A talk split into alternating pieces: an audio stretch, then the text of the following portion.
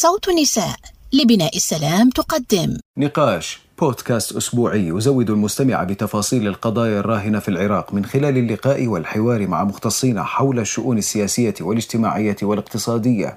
نقاش بودكاست من إنتاج صوت النساء لبناء السلام ويقدم بالتعاون مع مؤسسة فريدريش إيبرت. سأكون معكم أنا ليث ناطق في الإعداد والتقديم والإشراف والتنفيذ لسهى عودة ولنبحث معا سبل تطبيق قوانين العدالة الانتقالية في الوزارة لتمكين الفئات المستهدف مستهدفة في التشريعات القانونية وإنصافهم بعدما بعدما تعرضوا له في مختلف المراحل والتحديات التي واجهت وطننا العزيز فكانوا وأهلهم ممن لاحقهم الضرر من النظام البائد وكذلك عوائل شهداء وضحايا العمليات الإرهابية ثم السجناء السياسيين بأصنافهم. كان هذا صوت وزير الخارجية العراقي فؤاد حسين في مؤتمر قوانين العدالة الانتقالية لذوي الشهداء والضحايا والسجناء السياسيين الذي أقامته الوزارة في كانون الثاني يناير 2021. غرق العراق على مدى السنوات الأربعين الماضية في النزاعات وعدم الاستقرار فبعد التدخل العسكري والاحتلال من قبل الولايات المتحدة الأمريكية وبريطانيا لإسقاط نظام الرئيس الأسبق صدام حسين أضحت الدولتان دولتي احتلال بقرار مجلس الأمن الدولي وتم حل العديد من الكيانات الرسمية للدولة العراقية ومنها وزارة الدفاع والداخلية تحت مسمى تطهير المجتمع العراقي من حزب البعث وتأسيس العديد من الكيانات الرسمية للدولة العراقية. غالبا ما تأتي العدالة الانتقالية ضمن الحلول الأساسية للمجتمعات بعد انتهاء الحروب والصراعات والعدالة الانتقالية هي مجموعة من التدابير القضائية وغير القضائية التي قامت بتطبيقها دول مختلفة من أجل معالجة ما ورثته من انتهاكات جسيمة لحقوق الإنسان. وتتضمن هذه التدابير الملاحقات القضائية ولجان الحقيقة وبرامج جبر ضرر الضحايا وأشكال متنوعة من إصلاح المؤسسات بهدف تعزيز كرامة الأفراد والإنصاف والاعتراف بالانتهاكات بهدف منع وقوعها مرة أخرى. لذا أنشأ العراق العديد من المؤسسات بعد 2003 ومنها المحكمة الجنائية العراقية العليا والهيئة الوطنية العليا للمساءلة والعدالة والمصالحة الوطنية وهيئة دعاوى الملكية ومؤسسة الشهداء ومؤسسة السجناء السياسيين. لكن استمرار العنف بعد 2003 وعدم الاستقرار السياسي نتج عنه صراع طائفي ثم الصراع مع تنظيم داعش في 2014 والتجربة خلقت أزمات أخرى باتت تتطلب عدالة انتقالية هي الأخرى. كيف تقيم التجربة العراقية في ضوء آليات العدالة الانتقالية؟ هل جاءت مشابهة أم مختلفة لكل التجارب الدولية السابقة؟ وأين نحن الآن بعد عدة حروب وصراعات متكررة منذ 2003 ما تزال آثارها واضحة على المجتمع العراقي؟ عن هذا الموضوع سنناقش ضيفنا الأستاذ علي بخت التميمي رئيس منظمة أفق للتنمية البشرية فأهلا وسهلا به. بداية آه، هل يقتضي الانتقال الديمقراطي بالضرورة وجود عدالة انتقالية؟ ماذا أيضا لو فشلت هذه العدالة الانتقالية؟ هل يفشل هذا الانتقال الديمقراطي برمته؟ آه شكرا جزيلا. آه طبعا العدالة الانتقالية هي بدءا هو إجراء سياسي يعني ويتبع مع تغير أي نظام سياسي من نظام آه، أحادي دكتاتوري إلى نظام يفترض أنه يكون ديمقراطي. فتتخذ يعني مسارات العدالة الانتقالية جملة من الآليات والإجراءات لمعالجة الانتهاكات الخاصة بالفترة الدكتاتورية اللي سبقت هذا النظام. فحتى نثبت أنه هو موضوع يتعلق بقرار سياسي بفاعل سياسي بإجراءات سياسية. آه، أكيد يعني ممكن إنه نطلق إنه بموضوع آه، إطلاق إنه فعلا يعني أي أي انت أي محطة من محطات الفشل اللي تتبع العدالة الانتقالية راح تأثر بشكل كبير على العملية الديمقراطية وفشلها. هذا هذا يتعلق ب اولا نحدد ما هو نوع الفشل يعني إحنا ما ممكن آه، نخلي معيار ثابت للفشل والنجاح باعتبار لا توجد آه، مقياس لتجارب الدول. كل دولة تتخذ مجموعة من الإجراءات ومجموعة من المسارات للعدالة الانتقالية وتحددها بأطر زمنية. لذلك موضوع الفشل والنجاح ما ممكن قياسه. لكن لكن يمكن قياسه ربما آه، بكل تجربة لوحدها باعتبار أن كل تجربة لها خصوصياتها اللي ممكن تدرسها نعم. ماذا عن العراق؟ إحنا كيف نقيسه ذاتيا؟ يعني القياس هو ذاتي من داخل التجربة قياس الفشل والنجاح. الدول الشمولية يعني الأنظمة الشمولية هي كانت لها يعني ثيمة معينة بعملية التعاطي مع كثير من الملفات. اولا هي تنتهك حقوق الإنسان، اثنين هي آه، تلغي كثير من الحريات، تحاول تقمع آه، كثير من الآراء السياسية الأخرى، وبالتالي آه، هذا ينعكس على المؤسسات الأمنية، المؤسسات الإعلامية و تخلق مجموعة من من التابوات والمحرمات على الشعب ما عدا أكيد السلطة المنتفعة من هذا النظام. عندما نقيسه على سبيل المثال مثلا ناخذ قطاع الأمن في فترة نظام البعث آه، كان نظام الأمن يعني هو يوظف من أجل قمع الناس وليس خدمة الناس وهو مصدر لأمان الناس.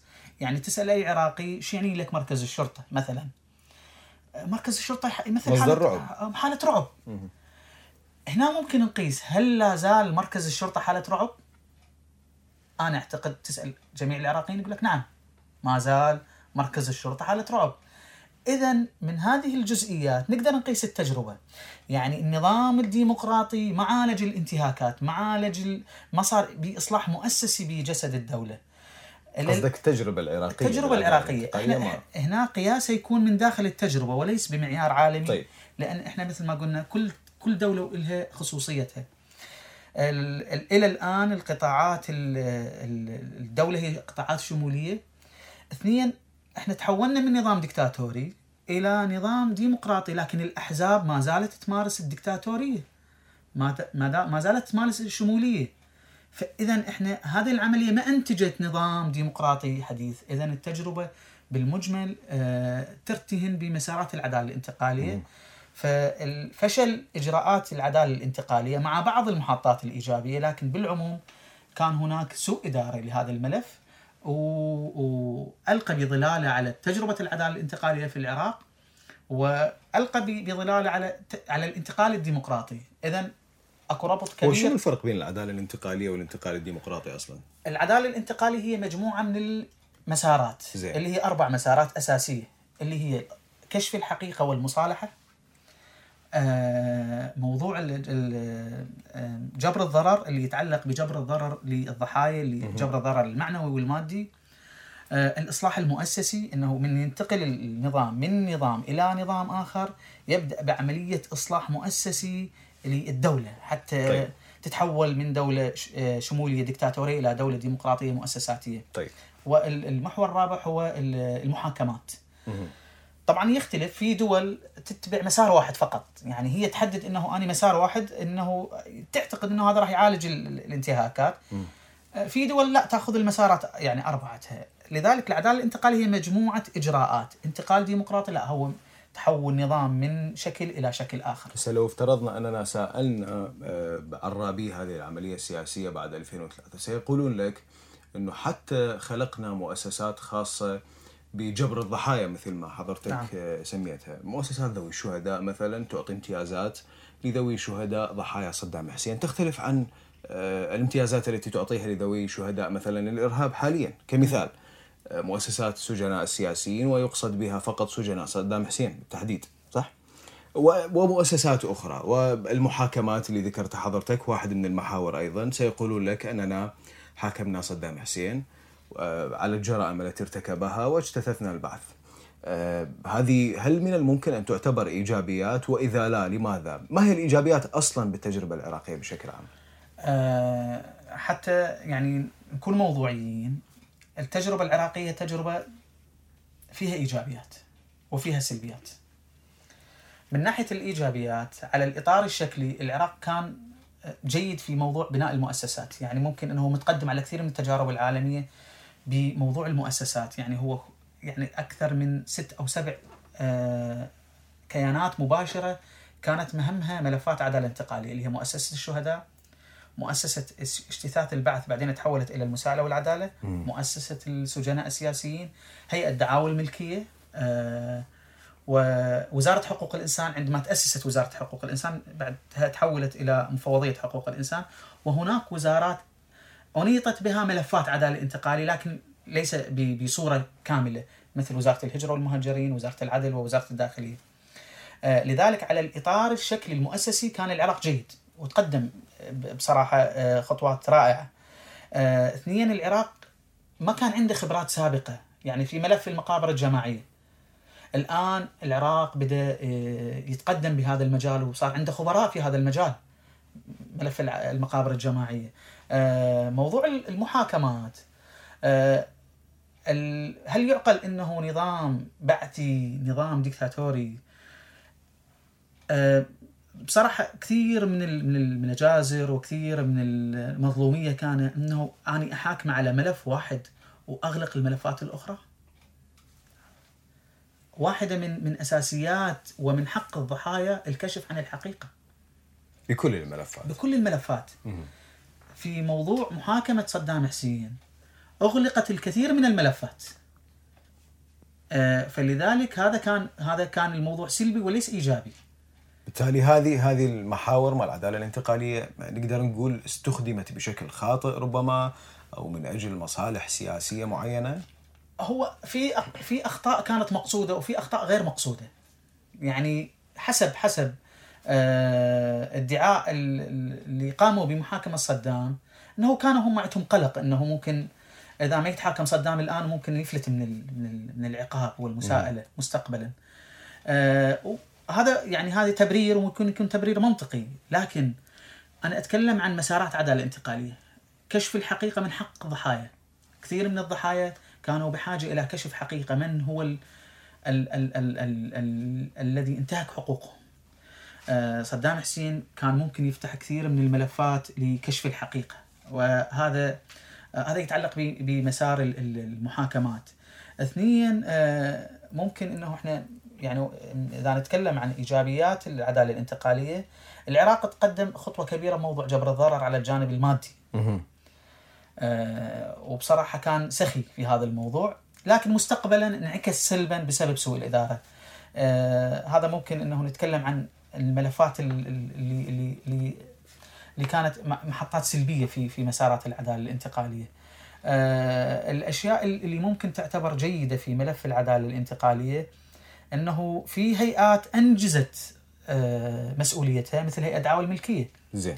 كانت آه محددة في أطر زمنية وأيضا تقريبا أغلب الضحايا قدروا يحصلون على مستحقاتهم لذلك واحدة من شلون تقيم هذه المستحقات أو أو التعويضات والامتيازات اللي منحت لفئات معينة؟ آه، مثل مثلا ذوي الشهداء آه، كالمقاعد الدراسية آه، تسهيلات بتعيينات معينة. شنو تقييمك لهذه الامتيازات؟ إحنا قبل ما ندخل بهذا الملف يعني هذا الموضوع لازم نوضح شيء. إنه في وجهات نظر. يعني في وجهات نظر من الطرف الضحية وفي وجهة نظر من جانب البناء المؤسسي للدولة. زين. يعني أنا كمختص في هذا المجال مؤمن بأنه لازم يكون التعويض على جنس الضرر. يعني أنه أنت إذا النظام السابق حرمك من فرصة تعليمية بالمقابل أنا كنظام آه، ديمقراطي أريد أنصف حقوقك أعوضك بجنس الضرر اللي ضررك النظام السابق. طيب لكن حتى, حتى إذا كان هذا يضر مثلا بمؤسسه تعليمية كمثال. لا أنا بس. جودة جودة التعليم. لا أنا خلي أوضح لك إنه جنس الضرر طيب. الآن اللي دا يصير في أشخاص هم ما متضررين تعليميا. يعني على سبيل المثال أنا أه. ممكن أنت تعرضت إلى إلى أنه صودرت أملاكك. فتعويضك لازم يكون وفق جنس الضرر اللي أنت ضررته. أنه أرجع لك الملك. أملاكك. لكن التعليم ما له علاقة بالموضوع. حلو. التعويض اللي صار هو صار كسلة واحدة. يعني أنت مهما كان نوع ضررك سواء كنت سجين أو إنه آه، تعرض واحد من من أقاربك من الدرجة الأولى إلى عملية يعني آه، قتل أو استشهاد آه، تبدا هنا عملية التعويض بسلة واحدة. هي الوظيفة والتعليم و و و وبالتالي هذا عملية إرباك. يعني ال- الضرر شيء والتعويض شيء آخر. فوضى إلى حد ما. وعبء أصلا على لا مؤسسات هو الدولة. هو تحول الموضوع إلى كسب سياسي. هذا الموضوع كان في سوء إدارة. واحدة من الأخطاء الجسيمة في ملف العدالة الانتقالية. ممكن أنا أعدد ال ال ال الأخطاء ال ال ال ال ال الأساسية للعدالة الانتقالية. آه، اولا هو كان سوء إدارة. اثنيا آه، كان تغييب للمجتمع المدني في رسم هذا ال- ال- الملفات. يعني الملف فقط كان سياسي.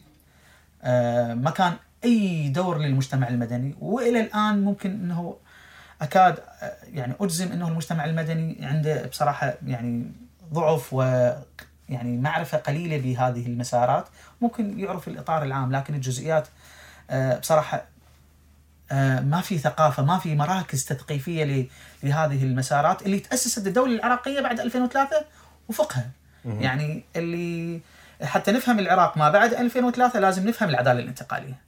بدون فهم للعدالة الانتقالية ما نعرف إنه العراق بعد 2003 كيف أسس وما هي الإخفاقات. معالجة هذه المسارات هو معالجة للنظام الديمقراطي. فإنه ممكن سوء يعني إنه النقطة الأولى هو سوء الإدارة. اثنين موضوع تغييب المجتمع المدني والنخب. ثلاثة وهذا المهم هو تحول الموضوع من عملية إنصاف الضحايا إلى عملية انتقام. أنا أنت سبقتني بهذا بهذا النقطة أستاذ. آه، ردت أسألك عن آه، يعني غفل العدالة الانتقالية بالتجربة مال بعد 2003 عن فئات معينة بمقابل الغلو بتعويض فئات أخرى مثل ما حضرتك قلت بطريقة خلينا نسميها فوضوية إلى حد ما غير مدروسة. آه، هل يؤثر هذا سلبا على مستقبل العملية الديمقراطية في العراق؟ طبعا خلينا نثبت نقطة واحدة أنه المتضرر الأكبر من سوء الإدارة هم الضحايا أنفسهم كيف؟ كيف؟ الآن اجتماعيا صارت نقمة على ضحايا نظام البعث على الضحايا. يعني الضحايا الآن بدأوا يتحملون خطايا سوء الإدارة وبدأت تتحول شيطنة الضحايا. يعني نشوف كثير من الاعتراضات على قانون رفع. كثير من الاعتراضات على إنه الأموال اللي دا يأخذوها الضحايا نظام البعث.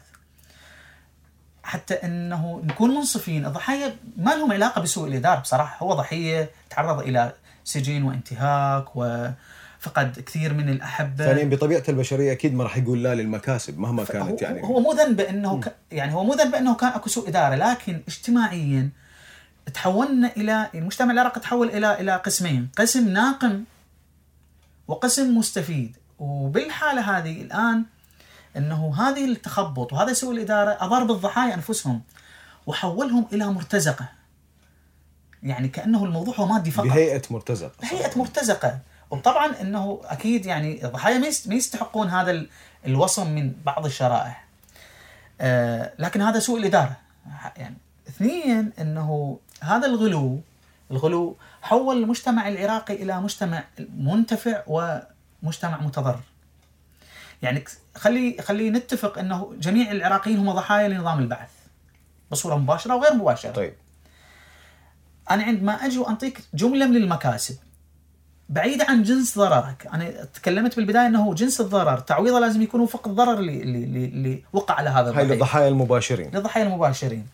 يعني أنا ما يعقل إنه أني يعني عندي أقارب من درجة رابعة لازم احصل كافة المكاسب. أه، والعراق الآخر اللي اللي عانى لا هو ما, الحصار يعقل إذا دخلت لي يعني أخذت مقعد بدراسات عليا. هذا شيء مو قليل. أكو استهانة بهذا الموضوع. إحنا بدنا نعرف يمكن قيمة المؤسسة الأكاديمية ببناء المجتمع والمؤسسات. يعني يعني حسب تبرير حسب تبرير مشرعي هذا القانون يعني قانون الموضوع المقاعد الدراسية إنه هذه ما لها دخل بالحصة الخاصة ب بالتعليم. لكن هذا رحل يعني سوى عملية يعني ترهيل للمؤسسه التعليميه وبدأ إنه بدأت المؤسسة التعليمية تفقد قيمتها بصراحة. آه، وكأنه هي مكان لجبر لجبر ال- الخواطر على حساب التعليم.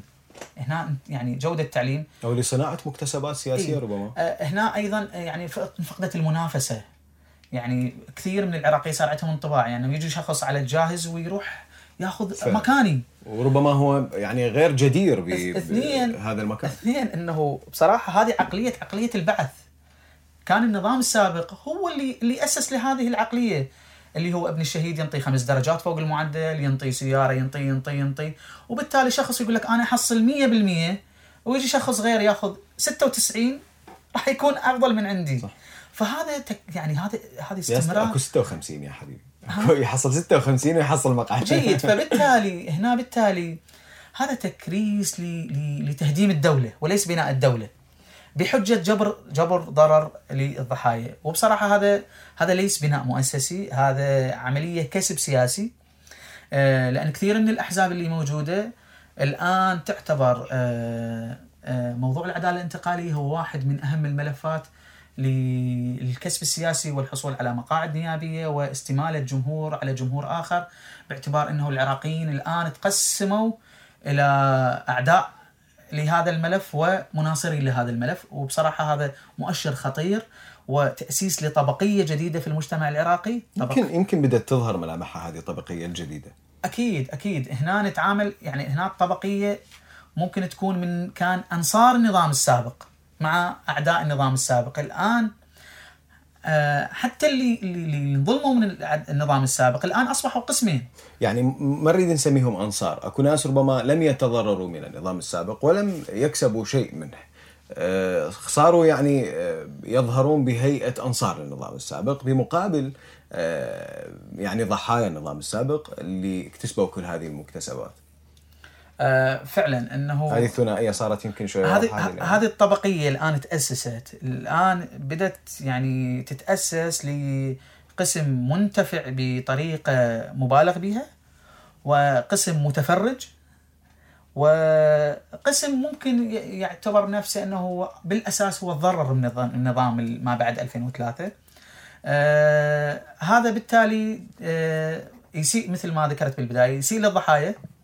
باعتبار إنه الضحايا آه آم، لهم بصراحة كامل الاحترام لهم فعلا. كامل الحقوق آه، لكن ليس بعملية آه، آه، عملية ممكن نحددها بصورة دقيقة جدا عملية آه، خلقهم في محور آه، محور سياسي آه، يستثمر أو يستغل آه، يعني يستغل انتهاكاتهم لأجل مكاسب سياسية ويستخدمهم كورقة سياسية آه، ويستخدمهم كتيار آه، تيار سياسي ممكن هم بالأساس مو جزء من عنده.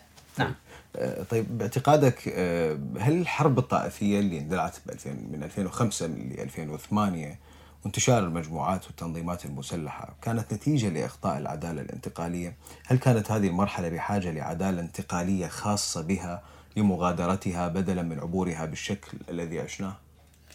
آه، خلي فقط أوضح شيء معين. هذا مهم بصراحة للمتلقي وللمستمع.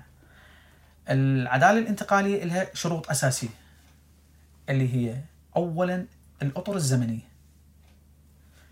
ما ممكن نتكلم عن عدالة انتقالية بدون أطر زمنية. وبالتالي العراق ما بعد 2003 ترك الأطر الزمنية مفتوحة. وهذه هذه مشكلة أساسية. آه، اثنين لا يجوز فتح أكثر من ملف للعدالة الانتقالية. العدالة الانتقالية اللي نتكلم عليها في العراق هي معالجة انتهاكات نظام البعث من 1968 إلى 2003 حتى نفتح ملف ثاني للعدالة الانتقالية يجب أن نغلق الملف الأول. لا يجوز فتح ملفين فما بعد 2003 هو ليس عدالة انتقالية. لسبب بسيط جدا يعني بعيدا عن المعايير الدولية اللي لا أصلا ال- القصد هو آه، ما يستوجب فتح ملف هي الحرب الطائفية. هل هذه الحرب الطائفية كانت سبب أو أو عفوا نتيجة لمشاكل العدالة الانتقالية بعد 2003 مباشرة؟ نعم آه أنا لو آه حققنا عدالة انتقالية بعد لا، 2003 لا، مباشرة لا. بشكل أنا- منصف وجيد. أنا راح أجاوبك على هذا الموضوع بس أنا ليش أحدد بأطر زمنية حتى من نتكلم ما بعد 2003 ما نتكلم عن عدالة انتقالية. هذا هذا مهم جدا. لكن حتى نأسس لعدالة انتقالية ما بعد 2003 يجب أن نغلق الملف الأول. الملف الأول لازم يغلق.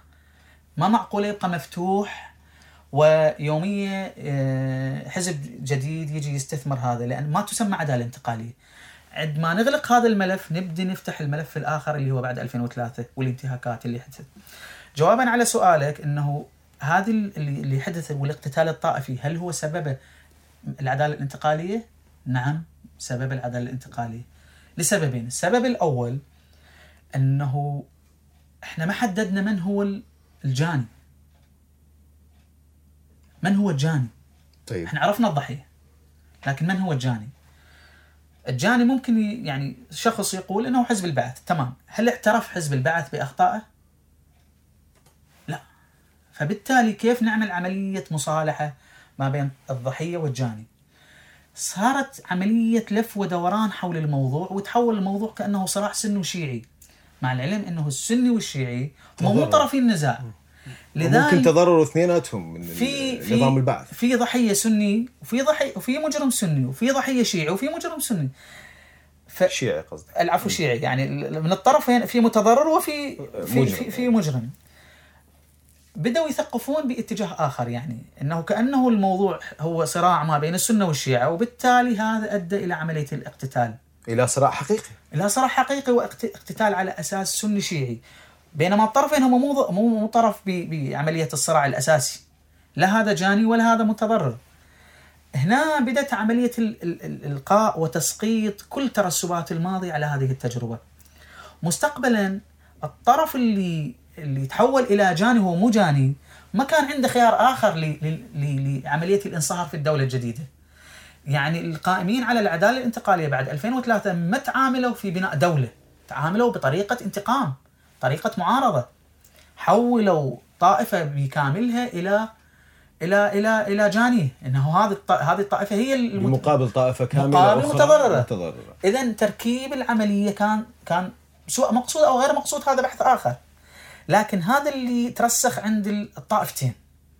لذلك بدأ يفكر السني إنه هو طرف بعيد عن هذا النظام وهو هذا النظام آه آه لذلك حتى يعني يقال إنه اربعه سنة وليس اربعه أرهاب. هذا ما موجود نكون واقعيين يعني حتى نعالج الأشياء لازم إنه نتكلم عنها بصراحة بصراحة آه، يعني بالعموم. لذلك راح الملف باتجاه إنه في طائفة ضد نظام وطائفة مع نظام. وهذا اللي خلق لنا الحرب ال- الأهلية من 2005 إلى 2008 وحتى مستقبلا آه كثير من الأشخاص بدأوا يحسون إنه هذا البلد ليس حاضن لهم، هذا البلد لآخرين وهم الآن أصبحوا خارج المعادلة ولا يوجد لديهم خيار آخر إلا أنه الارتماء مع أي فكر جديد ممكن إنه ي- يعني يضمن لهم حقوقهم في داخل هذا البلد اللي هم مهمشين به. هذا موجود، يعني هذا موجود في ثقافة آه، جزئية من من الشعب العراقي. آه، لذلك واحدة من أخطاء العدالة الانتقالية هو آه، تحويل الملف إلى إلى إلى جاني إلى إلى إلى جاني ليس الجاني الح- الحقيقي وإلى متضرر ليس بالضرورة هو متضرر الحقيقي. في حزيران من العام 2014 اجتاح التنظيم المتطرف داعش الأراضي العراقية وسيطر على نحو ثلث مساحة البلاد. عرف التنظيم بوحشيته وتلذذه بالقتل ما دفع أكثر من ثلاثة ملايين من سكان المناطق التي سيطر عليها إلى الهرب والنزوح والهجرة خارج العراق. في إطار ذلك هجم عناصر التنظيم على مناطق يسكنها عراقيون ذوي معتقدات متعددة كالمسيحية والشبك وكان الحجم الأكبر من الوحشية من نصيب سكان سنجار شمالي الموصل من أبناء الديانة الأيزيدية حيث صنع التنظيم مجزرة بحقهم وعمد إلى استرقاق أكثر من ستة ألاف وخمسمائة من النساء والأطفال وتسبب العنف بتشريد أكثر من 350 ألف أيزيدي. نحو مخيمات النزوح وقد أحرق داعش منازل ومدارس الأيزيديين ودور عبادتهم وتم الإتجار جنسيا بفتيات بعمر الثامنة والتاسعة وحتى الآن ثمة أكثر من 2800 امرأة وطفل أيزيدي في عداد المفقودين. أو في الأسر عاد نحو 120 ألفا من السكان الأيزيديين إلى ديارهم لكنهم يواجهون مصاعب في إعادة بناء حياتهم خصوصا مع الصراع متعدد الأطراف في مناطقهم. حضرتك أشرت قبل قليل في إطار الحديث عن تجربة آه، الحرب الطائفية من 2005 إلى 2008 ل مفهوم الأطر الزمنية ربما نقدر نسميه مفهوم أو لا ما أدري أنتظر من حضرتك تشرح لي إياها كنت تبتغي ربما الإشارة لخطأ فتح ملفات عدالة انتقالية جديدة في وقت نحن لم نحسم الملف الأول هو ملف 2003 ملف العدالة الانتقالية بعد حزب البعث والديكتاتورية. الآن إحنا دخلنا بتجربة جديدة أخرى آه، اللي هي تجربة أكثر مرارة، تجربة داعش أكثر ظلاما، ربما أو حتما هي يعني تحتاج لعدالة انتقالية للتخلص منها ومن آثارها، وهذا طبعا دون نظر لتجارب صغيرة مقارنة بها، كيف راح نحل هذا هذا الوضع الشائك بالملفات الكثيرة؟ أه شكرا للسؤال، سؤال مهم جدا. أه أهم معلم أو أهم ملامح العداله الانتقالية هو الأطر الزمنية، يعني الغاية الأولى من العدالة الانتقالية هو معالجة الانتهاكات الجسيمة لحقوق الإنسان في ظل نظام. هذا النظام حكم من يعني فترة معينة إلى فترة معينة وبالتالي حتى أعالج هذه الانتهاكات يجب أن أتبع أيضا أطر زمنية لمعالجتها. هذه الأطر الزمنية ليش مهمة؟ لأن إحنا دا نتكلم عن عدالة انتقالية وليس عن عدالة تقليدية. العدالة الانتقالية فيها آه، محددات اثنين اللي هو أولا هي تتكلم عن آه، حلول إنسانية وقضائية عكس العدالة التقليدية. يعني راح يدخل بها الجانب الإنساني وأيضا الجانب القضائي. المحدد الثاني هو الأطر الزمنية. يجب أن تحدد بفترة زمنية لغلق الملف. يعني ويا أي تجربة يقدم تقرير نهائي بمعالجة هذه الانتهاكات حتى الضحايا بعدها يرجعون آه، يندمجون بالحياة العامة. وأيضا يبدي البلد بخطوة أخرى وخطوة ثانية يتجاوز بها انتهاكات السابق. آه، اللي صار بالعراق مع الأسف إلى الآن لم تحدد ما هي المدة الزمنية لغلق هذا الملف. وبالتالي أصبح هذا الموضوع هو كابوس لكثير من الناس أنه هذا الملف يستخدم بطريقة انتقامية من بعض الأشخاص. يعني ناخذ على سبيل المثال كثير من الشخصيات تتسنى مناصب سيادية بين ليلة ويوم يخرج عليه ملف اجتهاد بعث. إذا في طبقة سياسية هي منتفعة من استمرار عملية عملية العدالة الانتقالية لإعتقادهم إنه هذا واحد من من السيوف المشرعة على رقاب كثير من الخصوم. آه هاي عملية ليست عدالة انتقالية بصراحة، عملية انتقامية.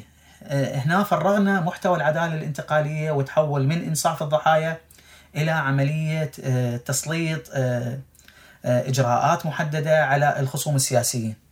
اثنين إنه البعد الآخر يعني اتفقنا أن هناك بعد زمني يجب أن تحدد فترة المعالجة بأبعاد زمنية يعني على سبيل المثال هيئة دعاوى الملكية حددت 15 سنة لهذا الملف وغلقت الملف. يعني بعد 15 سنة غلقت الملف آه عوضت جميع الأشخاص اللي آه تعرضت ممتلكاتهم إلى المصادرة والترحيل. لذلك آه، كانت جيدة في هذا الملف. آه، أيضا بحاجة إنه إحنا نحدد الأطر الزمنية حتى نغلق الملف ونبدي بمعالجة آه، انتهاكات أخرى في زمن آخر في سلطة سياسية أخرى. طبعا هذا الموضوع صعب. يعني صعب إنه أكو سلطة سياسية تعترف إنه آه، تفتح ملف على نفسها.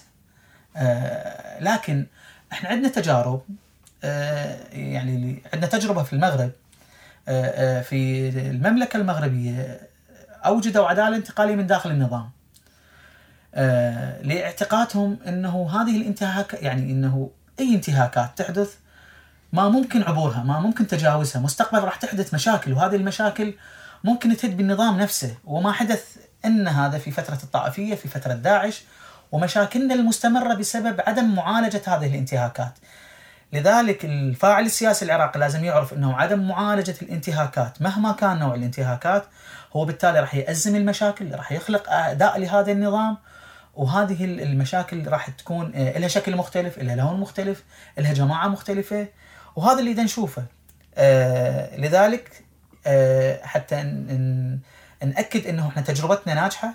آه يجب أن يحدد هذا الملف ويغلق ويبدي الضحايا. آه، طبعا موضوع إنه جبر الضرر هذا مستمر لكن غلق الملف هو هو المفروض يكون موجود.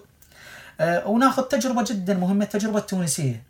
في تونس كانت هناك هيئة الحقيقة والكرامة اللي عينها رئيس الجمهورية وترأستها شخصية مهمة اللي هي السيدة سهام بن سدرين هيئة الحقيقة والكرامة حددت خمس سنوات لمعالجة كافة الانتهاكات اللي حدثت في تونس خلال خمس سنوات جمعوا كل الملفات كل الأمور والإجراءات المتعلقة بالضحايا وصارت محاكمات وكشف حقيقة بعدها سلمت ملف إلى رئيس الجمهورية وقالت كلمة شهيرة الآن سلمت الأمانة.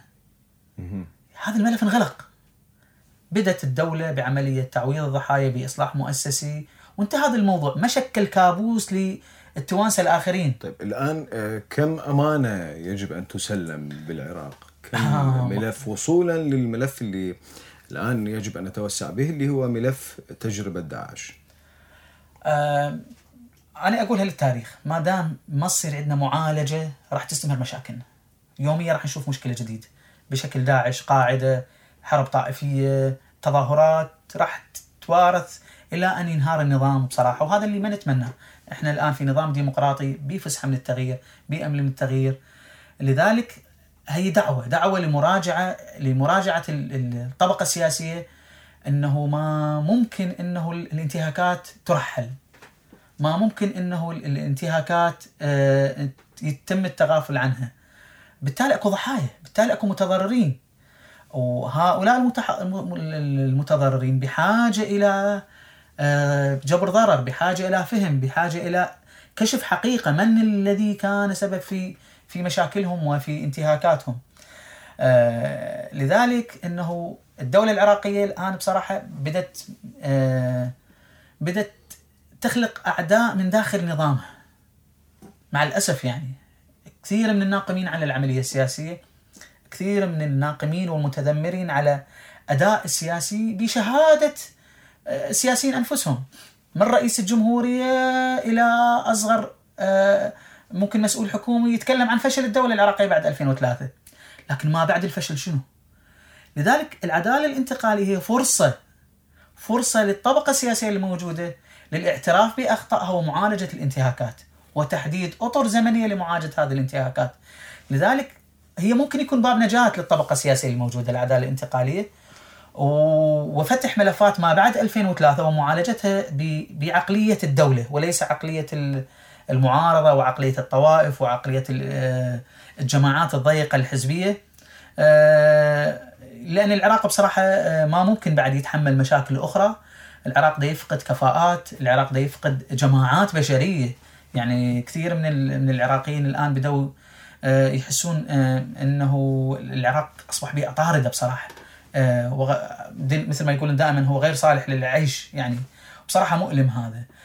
بدون فتح ملف عدالة انتقالية ما بعد 2003 ومعالجة كافه كافة الانتهاكات والاعتراف بالفشل، الاعتراف بالفشل موجود لكن إجراءات معالجة هذا الفشل هو ممكن إنه هو ليس ممكن هو أكيد العدالة الانتقالية آه، تلعب دور في في حسم هذا الملف ومعالجة كثير من القضايا ما بعد 2003 ومغادره آه، نظام آه، يعني انتهاكات ما قبل 2003 لأن بصراحة كثرة هذه الملفات أصبحت مزعجة جدا للفرد العراقي. الآن الجيل القادم آه، للأسف بدا يلمع حتى بالدكتاتورية يلمع من صورة الدكتاتورية لحجم الانتهاكات الموجودة وهذا اللي ما نتمناه. بالتالي إحنا نطمح إلى عراق ديمقراطي عراق تعددي لكن وفق معيار حقوق الإنسان وليس وفق معيار الحزبية والطائفية. طيب الحكومة العراقية منذ استعادة سيطرتها على الأراضي العراقية والخلاص من داعش لم تتخذ خطوات رسمية نحو العدالة الانتقالية في مناطق نينوى، صلاح الدين، الأنبار، حتى المخيمات آه، للنازحين هي تحت إدارة المنظمات الدولية لماذا برأيك؟ آه، من وجهة نظر حكومية أنه العراق يمر في مشاكل يعني مشكلة بعد مشكلة وبالتالي كل مشكلة لها حيثياتها وإلها معالجاتها. آه، فيعتقدون أنه صعب أنه أنت تغطي كافة الملفات ومعالجتها.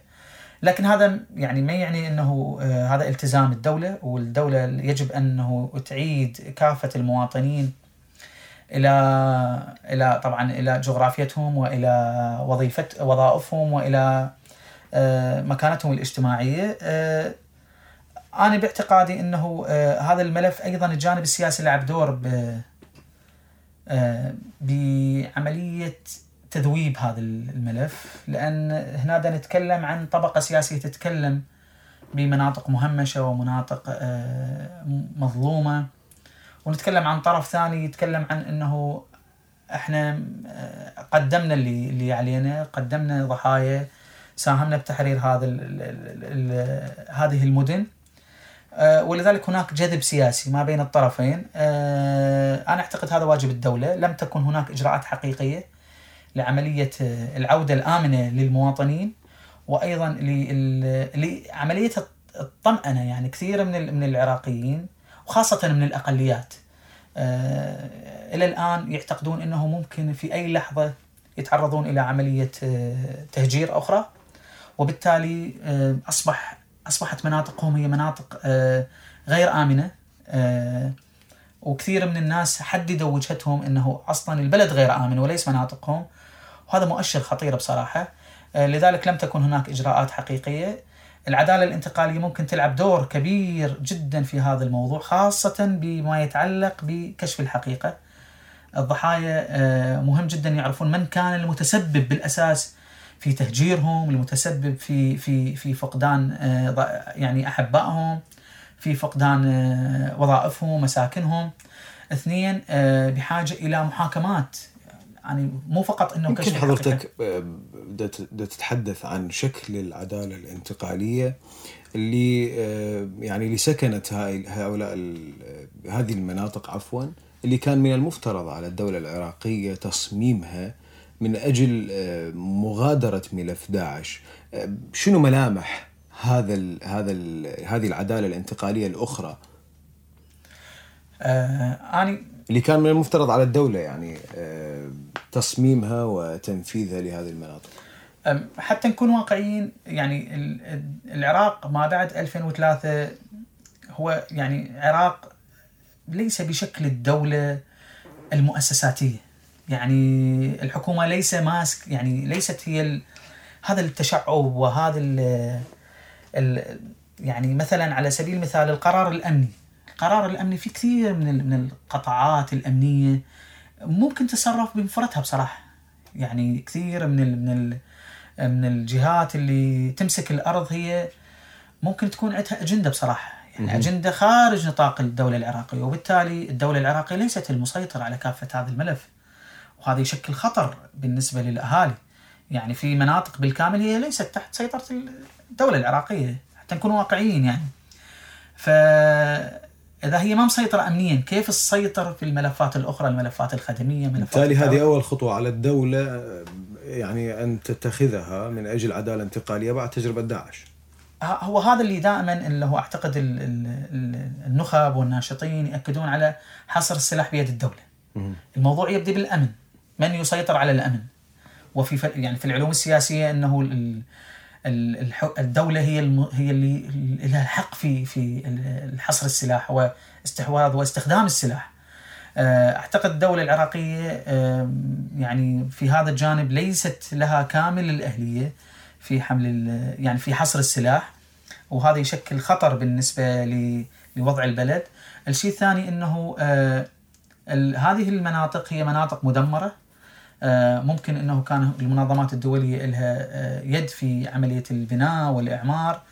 آه، إلى الآن لم تكن هناك حركة جدية من من يعني من جانب الدولة العراقية في عملية إعادة يعني عملية إرجاع السكان وأيضا إنعاش الاقتصاد. يعني إحنا في مناطق إذا ناخذ مثل ناخذ مثلا سهل نينوى مناطق الأقليات.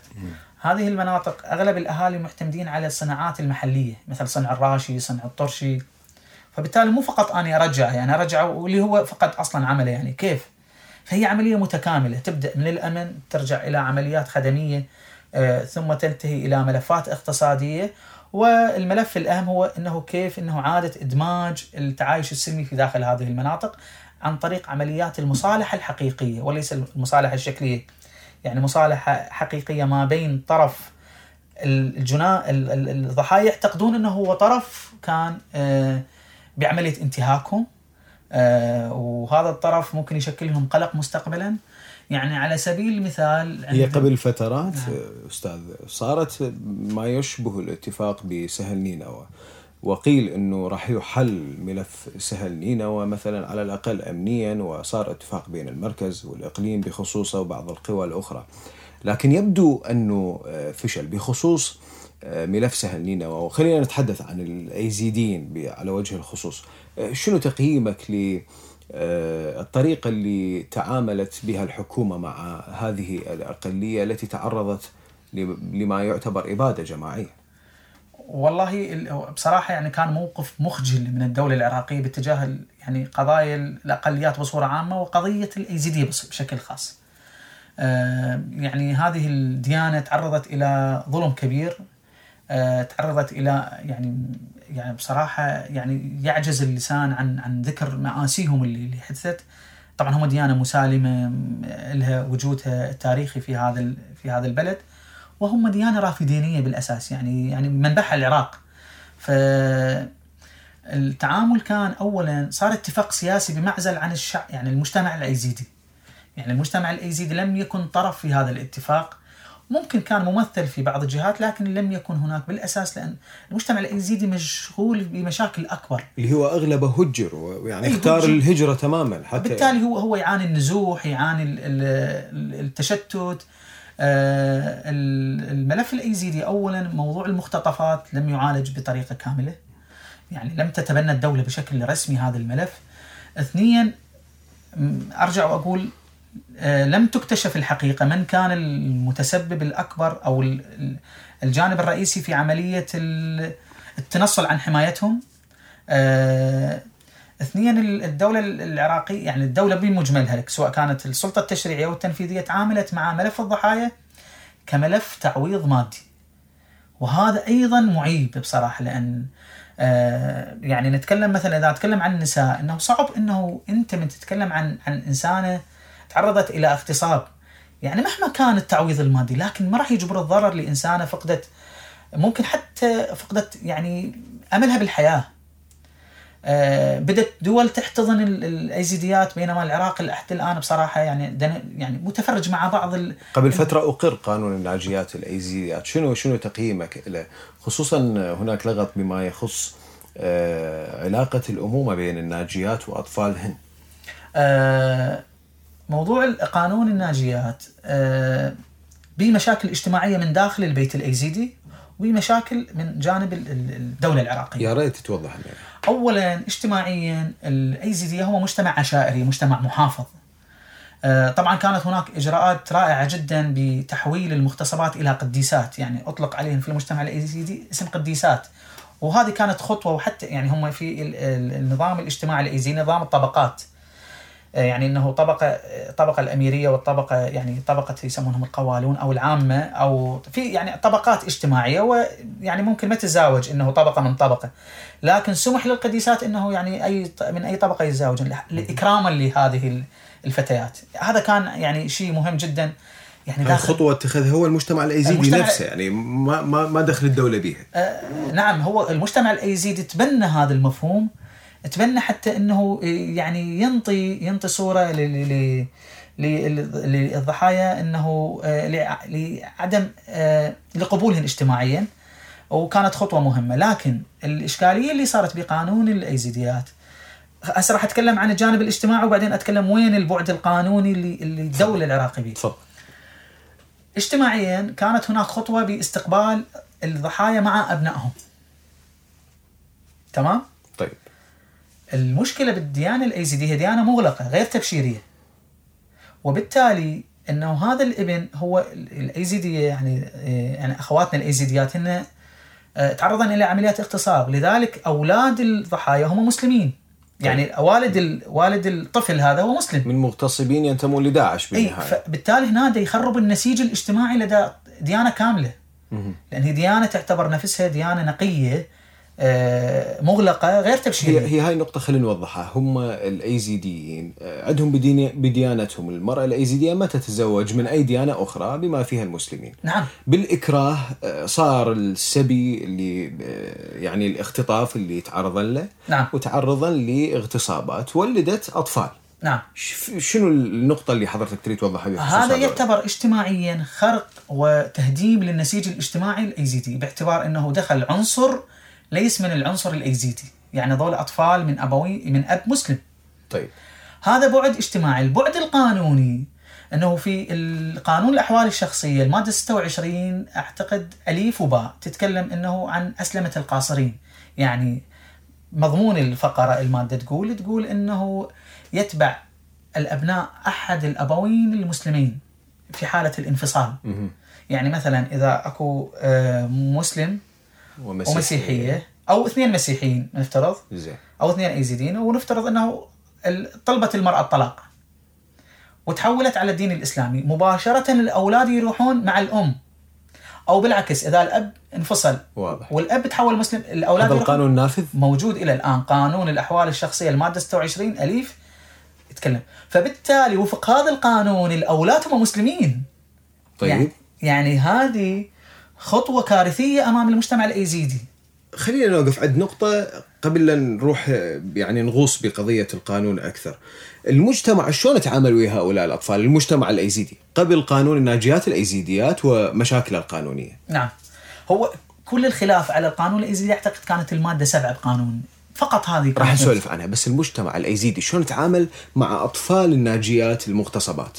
المجتمع الايزيدي مجتمع مسالم. طيب احتضنهم؟ احتضن النساء وأيضا تعاطف مع الأطفال. عظيم. يعني ما ما كان عنده مشكلة لا لا لا لكن ما استقبلهم. لسبب. سبب إنه اعتبر هذا ال- الاستقبال هو تهديم للنسيج الاجتماعي الايزيدي أيزيدي. بالتالي راح يضرب الدين بالكامل. اثنين هناك رأي عند الايزيديه مهم جدا جدا جدا. يعني أتمنى الانتباه إليه. تفضل. يعتقدون إنه استقبال الأطفال راح يسمح بعودة الدواعش من جديد ل لإبادتهم. مستقبلا. لأن راح يطالبون بأبنائهم. فهذا مؤشر خطير لدى الايزيديه يعتقدون إنه هذا مستقبلا راح يكون واحدة من التبريرات ل- ل- لإبادتهم وواحده من يعني هم يسموها فرمان. يعني هم تعرضوا إلى أربع بالنهاية هؤلاء راح يكونون حجة مستقبلية لعودة الدواعش. ال- القانون قانون ناجيات الأيزيديات شلون تعامل ويا هاي النقطة؟ القانون القانون هو بالبداية يعني كان المرحوم البابا شيخ آه، السابق اللي توفى الله يرحمه آه، بالبداية إنه يعني كان هناك مرونة في هذا الموضوع لكن كانت هناك يعني بصراحة اجتماعيا كثير من العشائر الأيزيدية رفضوا باعتبار يعني انقسم المجتمع الأيزيدي قسم مع استقبال ال- الفتيات. مع أولادهم وقسم آه، رفض مع هو ما حمل الأطفال بالمناسبة لكن هو أنطى تبريراته إنه هو اولا راح يكونون مسلمين وفق القانون العراقي وفق المادة 26 من قانون الأحوال الشخصية. زين. اثنين راح يكون حجة ل لإعادة الإسلاميين المتطرفين بأي شكل آخر داعش قاعدة وإبادتهم من جديد. آه، ثلاثة هذا تهديم للمنظومة الدينية والاجتماعية الأيزيدية.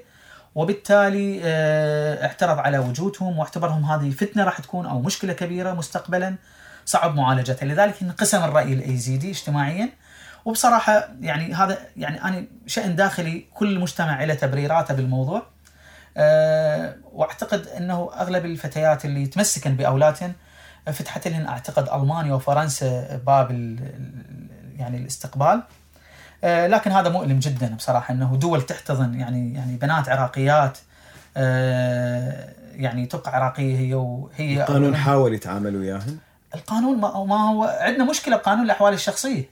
لا هسه قانون الأحوال الشخصية حضرتك آه، شرحت هاي النقطة اللي أحد الأبوين إذا كان مسلما فالأطفال القصر يتبع شو اسمه ال- الأب المسلم. قانون ناجيات الإيزيديات. تطرق لهذه النقطة لو اعتمد قانون الأحوال الشخصية نفسه.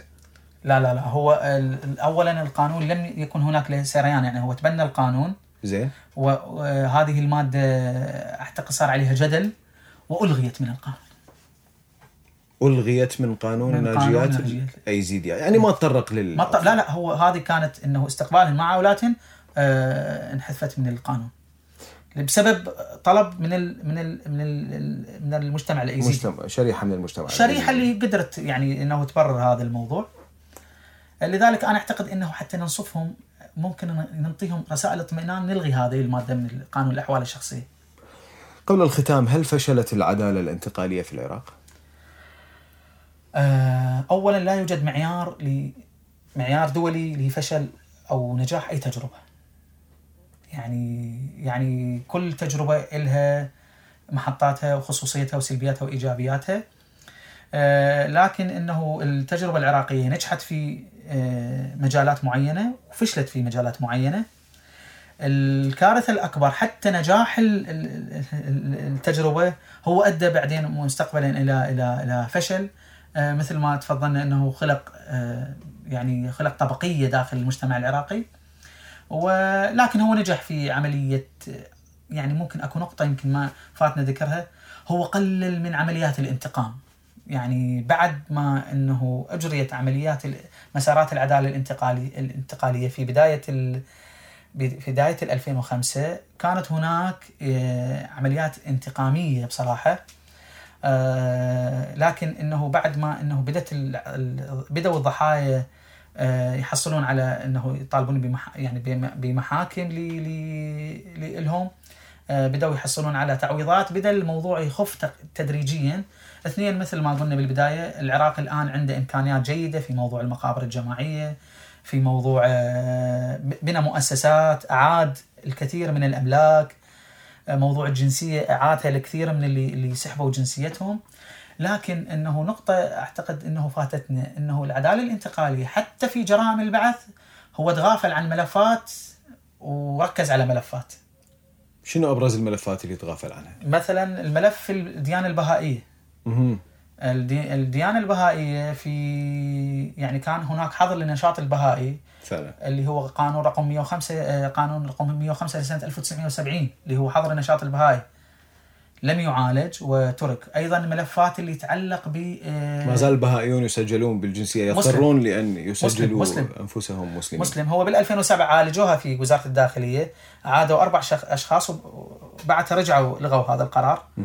أيضا الملفات اللي تتعلق بالآشوريين يعني هناك هناك ملفات قبل نظام البعث لم تعالج أصلا يعني مثل مذبح السميال 1933 كثير من العراقيين المسيحيين الآن في سوريا آه، لا يملكون الجنسية العراقية لأن هذا واحد من الملفات اللي اللي ما عالجتها العداله الانتقاليه. آه، هناك الملفات الملفات الاقتصادية كان هناك إذا نتذكر الملف بالنهاية أكو فرصة لتدارك كل هذه الأخطاء؟ آه، هو أكو فرصة آه، فرصة من من من جانبين. فرصة إنه توحيد الملف يعني يجب أن يوحد ملف العدالة الانتقالية. آه، اثنين إنه يجب أن يحسن ملف العدالة الانتقالية. يعني هذه فرصة حتى نتجاوز هذا الماضي وانتهاكاته ونبدي صفحة ثانية حتى لا نخلق مشاكل أخرى جديدة. الأستاذ علي بخت التميمي رئيس منظمة أفق للتنمية البشرية. شكرا جزيلا لهذا الحوار. شكرا جزيلا لك. شكرا جزيلا لكم وأتمنى أنه نكون آه، أنطينا فد نبذة يعني كفيت كفيت. شكرا, شكرا جزيلا. جزيلا. كانت هذه حلقة اليوم من نقاش بودكاست من إنتاج صوت النساء لبناء السلام.